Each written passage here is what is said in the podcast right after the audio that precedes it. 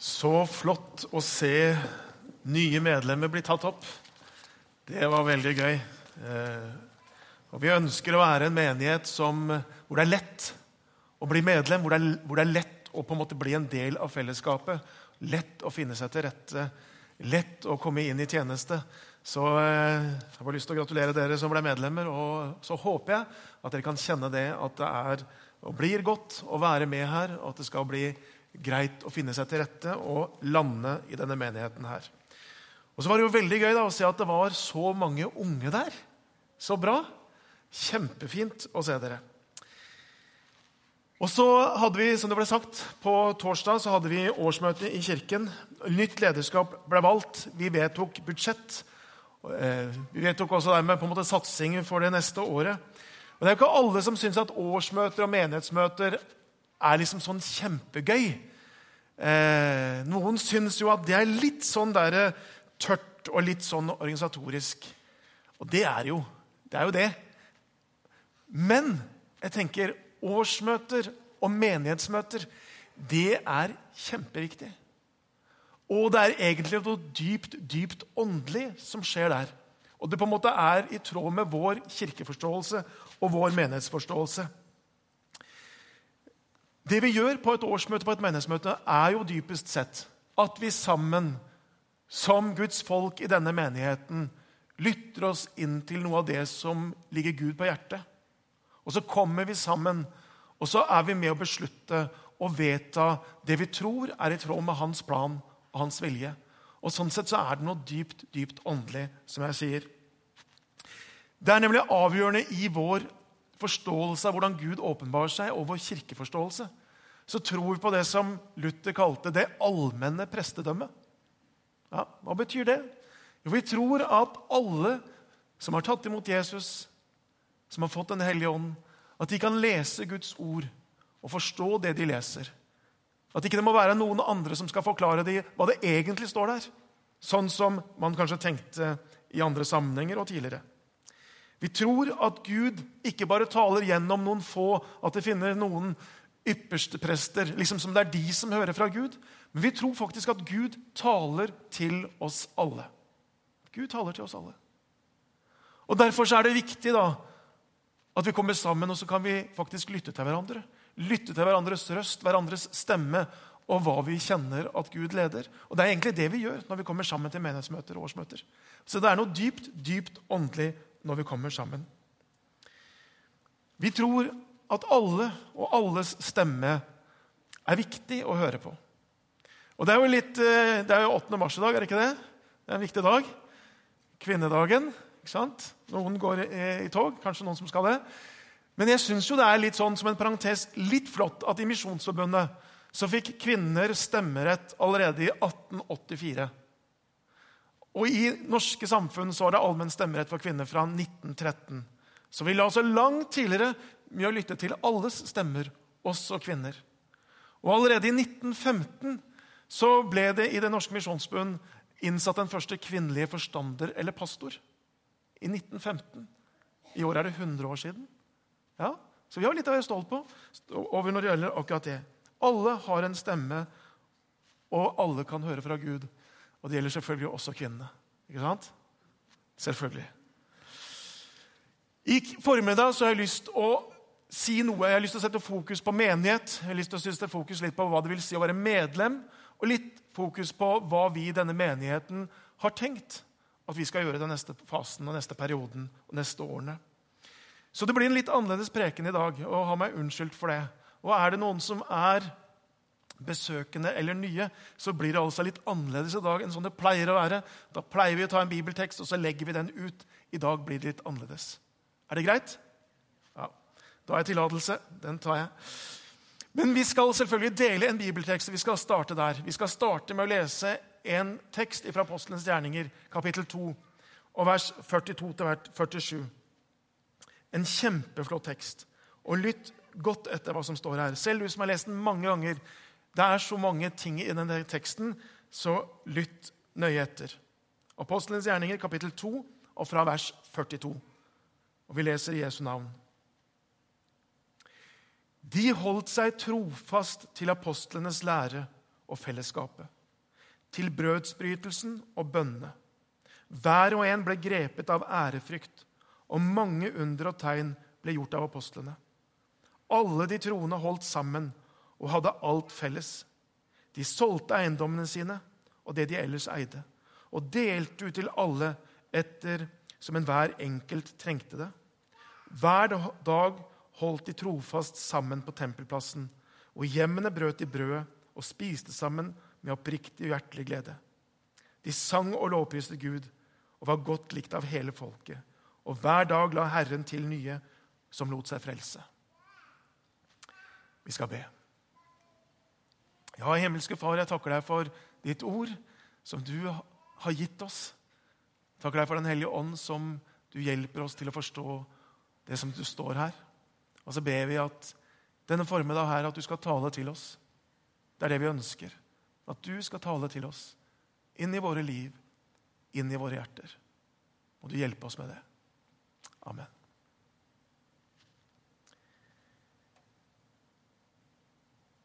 Hvilket fantastisk bilde som her tegnes av den første menighet. En gruppe mennesker som var så forplikta overfor hverandre, og som hadde sånn genuin og ekte omsorg for hverandre at om noen hadde behov eller var fattige, som mange var i Jerusalemsmenigheten, hadde en nød, så var det andre der i fellesskapet som faktisk solgte det som de eide, og delte ut, sånn at de som ikke hadde, kunne få. Et fellesskap som var så sterkt, og hvor de holdt på en måte så tett sammen at det står at de møttes ja, ikke bare en gang iblant, men daglig. På tempelplassen i det store fellesskapet, men også hjemmene, hvor de var sammen, og de brøt brødet, og de feira sammen. Og de hadde det står ekte glede. Et fellesskap hvor man delte Guds ord, hvor man delte nattvær sammen, og hvor man ba sammen og hadde dypt åndelig fellesskap. Et fellesskap hvor Jesus Kristus var til stede, merkbart til stede. Det står at tegn og under skjedde ved apostlene. Mennesker ble friske. Mennesker ble satt i frihet. Mennesker fikk mirakuløs hjelp. Det er noe av det som skjer, og det bildet som tegnes. Og så står det at det var ikke et ekskluderende fellesskap, men det var et åpent og inkluderende fellesskap. Og hver dag ble nye tillagt menigheten. Mennesker som lot seg frelse. Og så tenker jeg Dette bildet er ja, det er et bilde av hvordan det var, men det er noe mer enn det. Det er også et forbilde for oss som menighet i dag. Den første kristne menighet er et forbilde med sitt fellesskap og hvordan de hadde det for oss i dag. Og jeg tenker, Sånn som de var, sånn ønsker vi at vi skal være rotfesta i teologi, i apostlenes lære, som det sto. At vi skal være rotfesta i vår kultur, sånn at det er prega av fellesskap, overgivelse. At man kommer når menigheten kommer sammen. At det kan være noe av denne rausheten som vi leser om her, som gjør at mennesker de opplevde å bli tatt vare på. De opplevde faktisk å få av de andre når de ikke hadde. Mennesker delte av sine ressurser til menighet og til mennesker som hadde behov. Og så var det en menighet som også var relevant. Relevant for de som gikk i det fellesskapet, som gjorde at de hadde faktisk lyst til å komme daglig og møte de andre. Men også relevant på en sånn måte at andre som sto utenfor, de kjente at her er det noe. Det er en sånn tiltrekningskraft i dette fellesskapet. Det er en sånn varme, det er en sånn kjærlighet, det er en sånn omsorg. Så folk utenfra, når de så inn, så tenkte de her har jeg lyst til å være med. Her har jeg lyst til å bli en del av det. Et sånt fellesskap var det. Og så vet du som kjenner vår menighet, at rotfest er raus og relevant. Det er tre av de verdiene som vi løfter i denne menigheten her. Menighetsfellesskap er et helt unikt fellesskap som jeg vil si du finner ikke det noe annet sted i verden enn i Guds menighet. Og Så blir man noen ganger minna på det fra de underligste steder. da. For noen år siden så leste jeg et intervju med Levi fra Gell. Eh, dere, noen av dere har kanskje hørt navnet, men han har, når jeg leste det, så har han jobba 30 år i Human-Etisk Forbund. Og Noen av dere vet kanskje at Levi Fragell han var vokst opp i en pinsevennfamilie. Han hadde en far som var pinsepastor, og sjøl reiste han rundt som pinseevangelist i unge år. Og var også forstander i en menighet i Oslo. Helt til han tok fullstendig avstand fra kristen tro, fra menighet og fra alt. Og så har han blitt en veldig sånn kirke- og kristenkritisk røst Human-Etisk Forbund, og har vært det i over 30 år. Og Så var det et intervju med han i Vårt Land. og så sier han noe. Han legger ikke skjul på sin kritikk mot det han kaller pietisme og vekkelsekristendom. Den, den, var ganske tydelig, men han sier også noen ting. Han sier eh, Om menighetslivet så sier han at han savner det. Han sier følgende Det er et sted hvor folk er glad i deg, og hvor det er rom for alle. I humanismen har vi ikke funnet noe som svarer til det. Og Det tenker jeg det er jo interessant. Og Så sier han videre fordi menighetslivet er en fremmed kvalitet for folk som ikke har opplevd det. De vet ikke hva det er, og klarer seg uten. Det er ikke håpløst å leve uten en kirke, men jeg skulle ønske det fantes et lignende tilbud uten at man måtte bekjenne seg til en tro. Så kjente jeg når jeg leste at det, det gjør inntrykk å høre en som har tatt så tydelig avstand fra tro i det hele tatt. Og så allikevel har han opplevd noe i kirke som han sier det har jeg ikke funnet noe sted etterpå. Fordi kirke, menighet, er et helt unikt fellesskap. Og hvorfor er det det? Og Vi kunne tatt mange ting. Jeg skal ta noe. Men jeg tenker det viktigste var det. Jo, det at et menighetsfellesskap det er mer enn meg og deg. Det er mer enn oss som er samla her. Det er et fellesskap, og Jesus sier, hvor to eller tre er samla i mitt navn, der er jeg midt iblant. Så det fellesskapet som vi har også i denne formiddag, det er et fellesskap hvor den levende, oppstandende Jesus Kristus er midt iblant oss. Med sin kjærlighet, med sin nåde, med det at han gir alle verdi, så er han midt iblant oss. Og det gjør noe med fellesskapet. Og det er noe Når man sjøl møter en sånn Herre Jesus Kristus i sitt liv, ja, så gjør det også noe med måten man behandler mennesker omkring seg på. Jesus er midt iblant oss. Og Derfor er også fellesskapet det som vi er en del av, det er et bokstavelig talt et fellesskap ut av en annen verden. Det er et fellesskap hvor det er en helt annen dimensjon enn det man finner i noe annet fellesskap. Jesus sier Guds rike har kommet nær. Himmelen, evigheten, har landa iblant oss. Så når vi er sammen i Guds menighet, så tenker jeg så glimtvis så på en måte så får vi kontakt med himmelen, med evigheten. Og så kan det skje på ulik måte. Jeg tenker når vi, Sånn som sist søndag, når vi delte Herrens måltid her. Vi har nattvær sammen.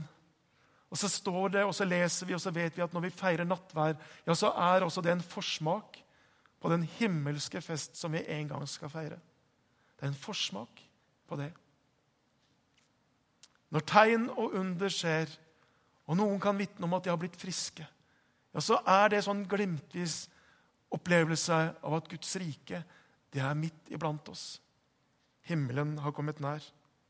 Når Ånden virker blant oss, og vi kan kjenne dens nærvær, og vi kan kjenne det noen ganger, ja, så er det en sånn opplevelse at vi kan lukke øynene, og så kan vi se Han ansikt til ansikt, mesteren selv. Jeg kjenner det noen ganger når vi kommer sammen, og så er det kanskje i lovsangen, og så kan man lukke øynene, og så tenker jeg noen ganger på ja, litt sånn, litt sånn blir det når vi kommer hjem. Eller en kan sitte ned og så kan man høre undervisning eller noen som bruker nådegavene sine. Og så tenker jeg ja, det er Gud som taler til dere. Det var en hilsen fra Gud til meg i dag. Når menigheten fungerer som den skal, ja, så finnes det ikke noe fellesskap som er sterkere, som er bedre enn menighet. Derfor så opplever i hvert fall jeg en sånn utrolig glede ved det å komme sammen med Guds folk. Gleder meg til hver eneste søndag vi skal være her. Til å kunne få lov til å være, møte dere og møte Jesus sammen. Så sang vi en sang på 70-tallet. Hvilken glede jeg får når jeg kommer sammen med Guds hellige folk. Ingenting her på jord gir meg større glede enn å være der hvor Gud er til stede. Det er noe med den gleden der. Det er et unikt fellesskap. Og I menigheten så opptar vi medlemmer. Det har vi gjort i dag, og det er alltid veldig hyggelig. Et bilde på menigheten som Bibelen bruker, det er Kristi kropp. Og Paulus sier det slik.: Dere er Kristi kropp, og hver enkelt av dere hans lem. Vi er Kristi kropp. Og du og jeg, vi er et lem på den kroppen. Vi er et medlem. ikke sant? Derfor er det vi opptar medlemmer. Og ved det så sier man her vil jeg høre til. Her vil jeg at dette skal være mitt åndelige hjem. Her vil jeg på en måte stå i tjeneste sammen med de andre. Det er noe av det det handler om. Og I Misjonsforbundet så er det tre medlemskriterier. Eh, ganske enkle. Og så har ulike kirker ulike sånne kriterier. Men i våre vedtekter så er det tre medlemskriterier. Det står at menigheten er åpen for mennesker som ved troen på den treenige Gud har tatt imot frelsen i Kristus Jesus. Det er det ene. Det andre, som det står, menigheten er åpen for mennesker som ønsker å leve etter Guds ord. Og for det tredje, menigheten er åpen for mennesker som ønsker å dele fellesskap og ansvar sammen. Jeg skal si litt om de tre. Det første kriteriet, hva handler det om? Jo, det handler om klassisk egentlig kristen tro. Tro på den treenige Gud. Ha Jesus Kristus som sin frelser i livet. En frelse som er basert på nåde. Eh, og så sier Misjonsbundet vi kan se litt forskjellig på noen ting. Dåp, på nattvær. Men nå dette her, det er sentralt. Treen i Gud og tatt imot Jesus som frelser. Det er det ene. Det andre det handler om å ha som det står, et ønske om å leve etter Guds ord. Hva er det for noe? Jo, om å ha en intensjon i livet som sier at 'jeg har faktisk lyst med mitt liv'. At det skal på en måte avspeile det som jeg finner i Guds ord. At jeg mer og mer kan få lov til å ligne på, på Jesus. At jeg kan få lov til å, å leve livet mitt i åpenhet eh, i forhold til det som Bibelen anviser. Og så betyr jo ikke det at det er en menighet for de som får det til. At det er en menighet for de som er perfekte. At det er en menighet for de som aldri faller. Det er ikke det det står. Men det er de som har et ønske, en intensjon om å leve livet i tråd med Guds ord. Og så er det jo sånn at om vi da faller, om vi synder, om vi trår feil, hva da?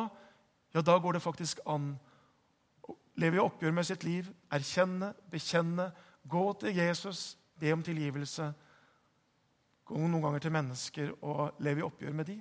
Det er det det handler om. Intensjon. Og Det tredje kriteriet det handler om å dele fellesskap og ansvar sammen. Vi er felles ansvarlig i denne menigheten for de beslutninger vi tar. Derfor er vi også felles ansvarlig for å gjennomføre det vi har beslutta. Eh, det er ikke sånn at det er liksom noen som skal gjøre det, noen som skal bære det ansvaret, men det er et felles ansvar som vi bærer sammen. Felles ansvar for at vi kan ha den kulturen iblant oss som vi ønsker.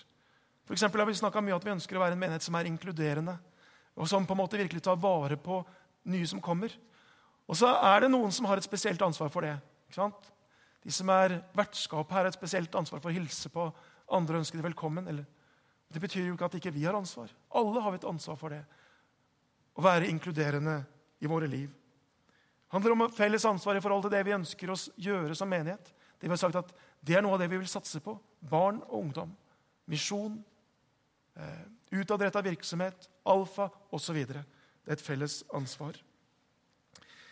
Og så har vi ulike gaver.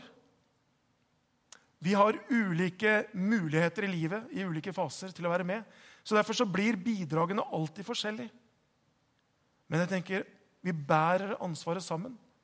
Og så kan alle bidra med noe. Og Det er som jeg syns er så flott i Guds rike. Alle kan bidra med noe. Alle har noe å gi. Alle har noe som kan bli lytta til.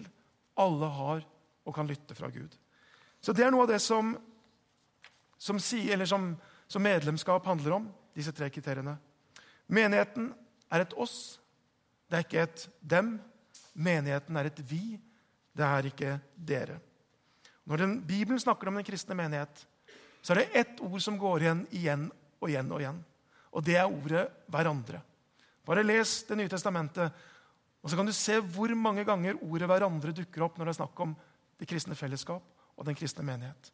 Det står at vi skal elske hverandre, at vi skal ta imot hverandre, At vi skal bære hverandres byrder. At vi skal være vennlige mot hverandre. Vi skal tilgi hverandre. Igjen og igjen dukker dette opp. Hverandre, hvor vi kan få lov til å be for hverandre og betjene hverandre. Når det gjelder fellesskap, så sier vi gjerne at det er tre typer fellesskap. Som Skal du liksom virkelig erfare hva en menighet er, så er det tre typer fellesskap som vi sier du bør være en del av. Tre typer fellesskap. Hva da? Jo, for Det første handler det om gudstjenestefellesskap, sånn som vi er sammen om i dag.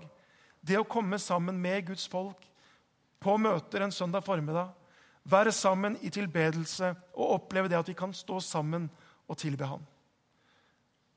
Lytte på undervisningen, lytte seg inn på, på en måte, er det, hvor er det denne menigheten beveger seg. Søndagsgudstjenesten har jeg lyst til å slå et slag for.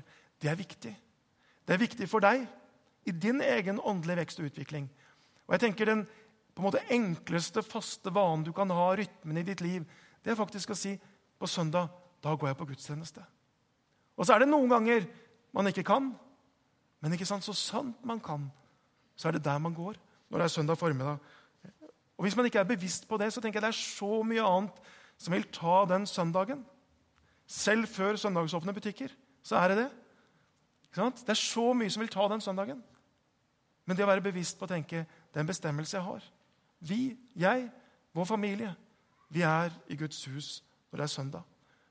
Det gjør noe med egen åndelig utvikling. Det er ikke alltid man merker det liksom fra søndag til søndag, men det er bare at det er med å bygge noen ting. Det er litt som når du trener. Det er ikke alltid du merker det etter første turen. Men over tid, når det blir en vane, ja, så gjør det noe med oss. Og så gjør det også noe med fellesskapet iblant oss. Det er viktig også for oss andre at nettopp du er her når det er gudstjeneste. Det andre fellesskapet som vi sier at du bør være en del av for å virkelig erfare hva det vil si å være en menighet, det er det vi kaller nærfellesskap. Eller smågruppe, eller vekstgruppe eller cellegruppe. Det er mange navn. Men det å ha noen som du møtes jevnlig, og som du kan på en måte dele noe dypere i ditt liv En liten gruppe, åtte til tolv mennesker. I denne menigheten her så, eh, så, er det ganske mange med. Jeg tror vi er 186 som er med i sånne små grupper. Um, og vi vil gjerne ha flere med i det. Vi har lyst til at alle har en målsetting om at alle i denne menigheten også går i en liten gruppe. Der kan vi dele mer av livene våre og oppleve omsorg. Der kan vi være ansvarlige overfor andre og bli disippelgjort. Der kan vi oppøve gavene våre og på en måte få lov til å vandre noe i det. Det er kjempeviktig og flott å være med i en sånn liten gruppe. Og Det tredje fellesskapet det er tjenestefellesskap. Det å stå sammen med noen i tjeneste. Altså, om det er praktiske oppgaver, eller om det er lederoppgaver, eller om det er lederskap, barne- og ungdomsarbeid. Men det å stå sammen med noen om en tjeneste, hvor du kan ut ifra slik som Gud har skapt deg og utrusta deg, få lov til å tjene. For en del år siden ble det gjort en stor undersøkelse, og et av spørsmålene var eller noe de fant ut var, hva er det som gir kristne aller mest glede i livet. Vet du hva de fant ut? Jo, Det som ga kristne verden over aller mest glede, det var å få lov til å stå i en tjeneste ut ifra den utrustning de hadde. Da kjenner man glede. Det er en glede å få lov til å være med i en tjeneste. Det var litt om det å være medlem. Og så har vi i denne menigheten her, så har vi tatt og hatt en prosess. For et par år siden så satte vi oss ned og så tenkte vi nå er egentlig tiden kommet til at vi på ny spør Herren noe om hva er retningen for vår menighet. Og Vi stilte spørsmål hva er det Gud særlig kaller oss til de neste årene? Hvordan kan vi best forvalte det som Gud har betrodd oss? På hvilken måte kan vi i denne menigheten være lys og salt her hvor vi er satt? Og Så ble det en, en prosess, det var en fase hvor vi ba mye. Vi jobba med disse spørsmålene, vi snakka mye sammen. Eh, og så ble det et sånt arbeid som ble kalt Rom for videre vekst. Det ble en strategi og en visjonsarbeid. Og så var det noen ting vi så i det. Og Vi så at vi skulle fortsette med mye av det vi har gjort, men vi så noen ting som vi bestemte oss for det der skal vi gjøre mer av. Bl.a. det som har med å ta et samfunnsansvar. Vi sa at vi er satt her på dette stedet. Og vi ønsker i større grad å være med å bety noe for vårt lokalsamfunn her. Og Vi stiller spørsmålet hvilke behov er det som finnes i vårt nærområde som vi som menighet har mulighet til å gjøre noe med. Så har vi ikke helt landa på en måte, hva er det, vi har bestemt oss vi skal på en måte ta et større samfunnsansvar. Kanskje finnes det noe også nasjonalt, kanskje noe internasjonalt. Og så er det veldig spennende med dette som har blitt nevnt så vidt i gudstjenesten her. Dette med arbeid i Romania, som også handler noe dels om arbeid her i, i Kristiansand. Et spennende arbeid hvor vi kan få lov til å bety noen ting. Eh, så det går vi inn i. En annen ting vi sa, det var at vi vil vokse, sa vi. Vi vil vokse i denne menigheten her. Ja, Hvorfor det? Ja, Ikke fordi at vi skal på en måte vinne en eller annen konkurranse eller ta markedsandeler eller hva det nå enn er. Ikke derfor. Men rett og slett en forståelse at skal vi være en bibelsk menighet som inkluderer nye Hva var det vi leste? Hver dag ble det lagt nye mennesker til. om det første menighet. Skal vi være en slik menighet, ja, så kan vi ikke si at nei, nå, nå er vi nok. Nå er vi mange nok. Eh, vi har ikke plass til så mange flere heller. For hva gjør det med oss?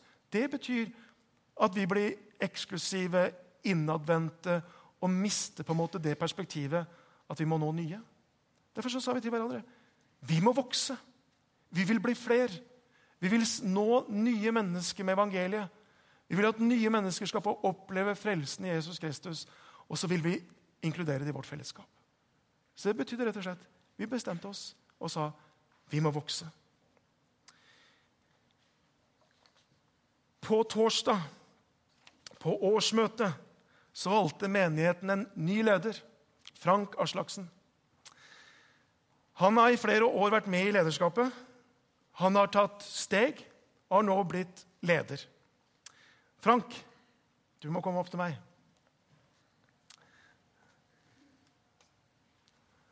Så eh, skal jeg stille han noen spørsmål. Men en annen, dette er jo en stor dag eh, på mange måter. Og det er også Frank sin bursdag. Han er 44 år i dag.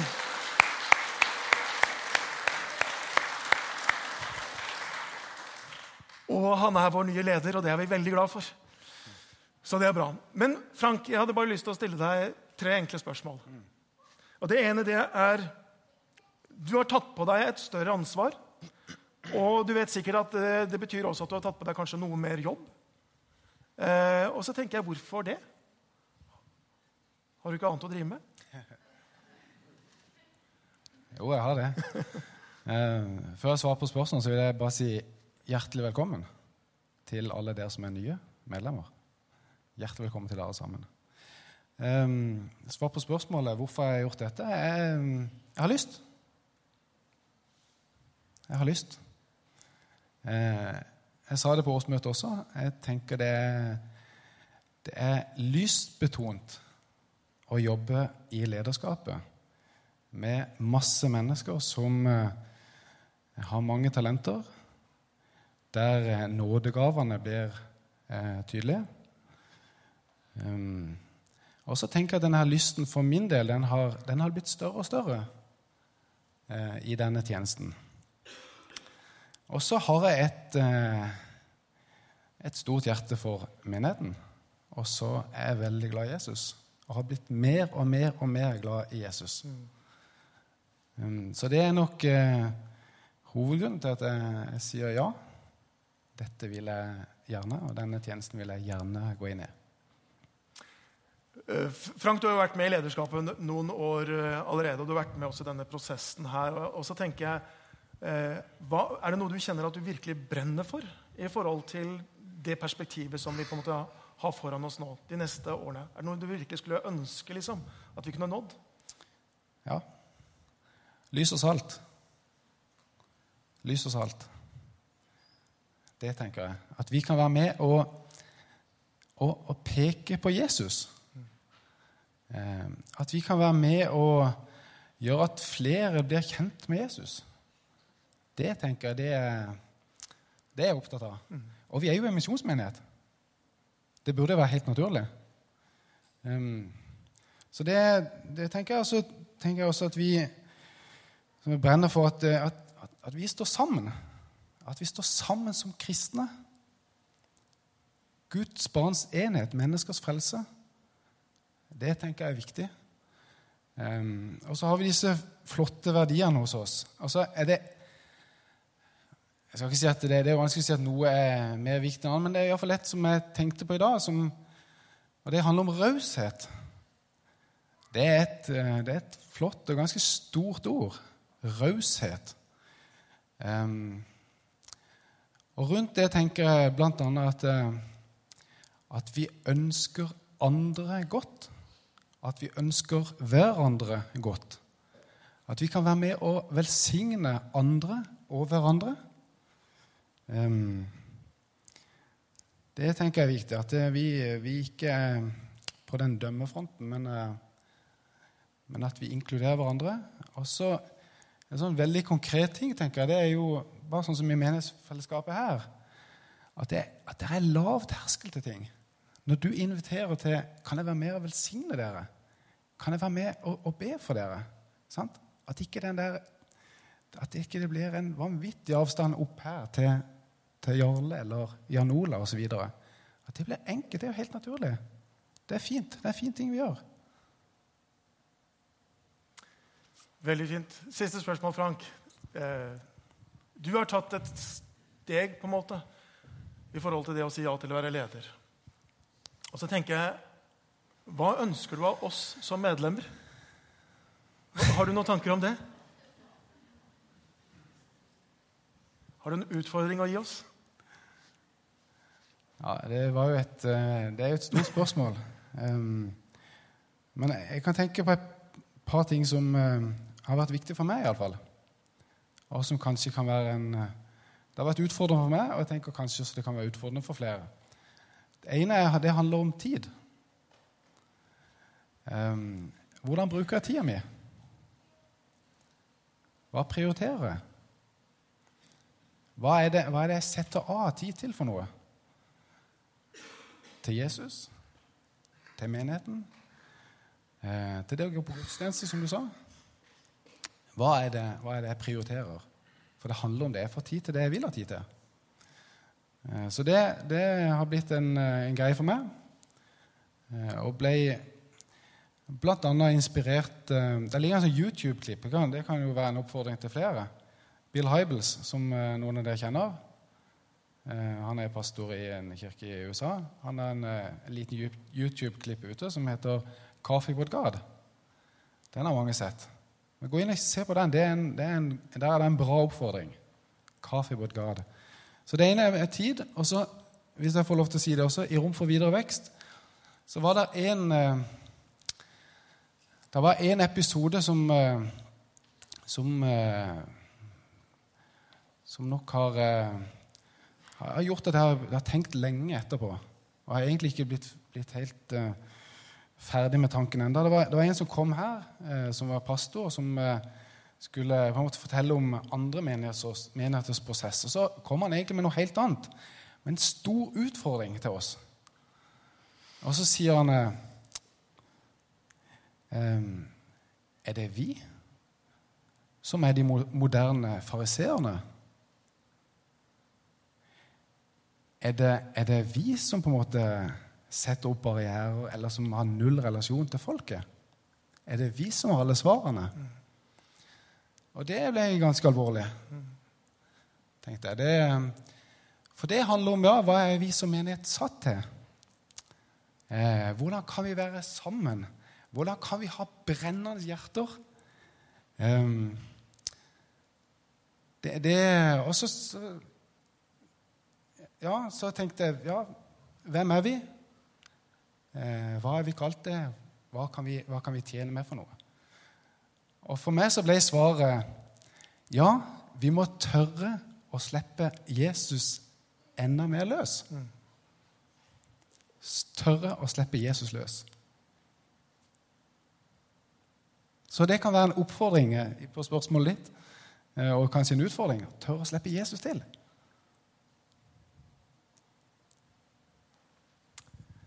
Takk skal du ha, Frank. Skal vi gi han en applaus?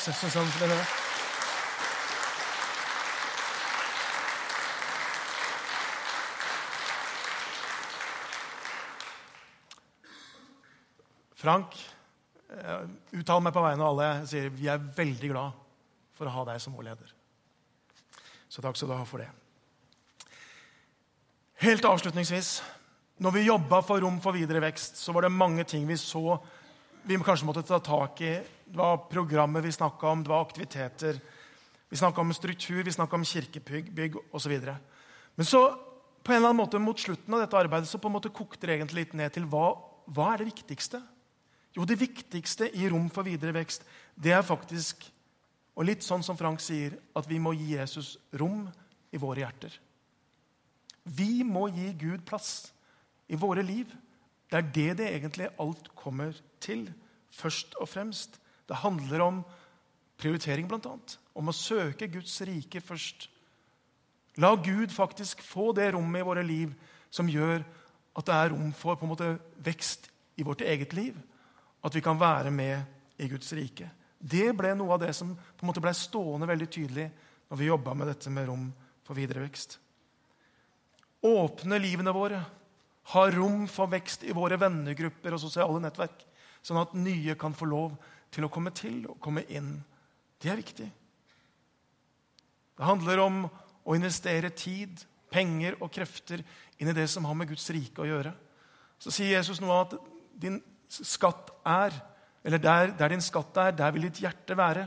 Og Det betyr jo at vi, det vi brenner for, på en måte der plasserer vi også investeringa vår. Men det er også på en måte omvendt. Nemlig at der vi investerer vår tid, våre penger, våre krefter, ja, der kommer også hjertet etter. Så det å gi rom for vekst i våre liv er kanskje det som ble stående sterkest igjen. Og Det er dette vi inviterer deg til. Du som er her som ny medlem. Kanskje du ikke er medlem ennå, men som har lurt om, om det er noe for deg. Egentlig til å ta et steg inn i fellesskapet i større grad av både overgivelse og forpliktelse. Det er det vi inviterer deg til. Og Så kan det se ulikt ut i deres liv, men du vet om noe hva det ville betydd for deg. Det å reise seg opp og si vet du, jeg vil være en søyle i det som Gud bygger på vårt sted og i vår tid. Det å reise seg, ta steg inn, det er egentlig utfordringen den formede her. Så kan du vite noe om, eller så vet du noe om hvordan Gud utfordrer deg. Vi skal avslutte. og vi pleier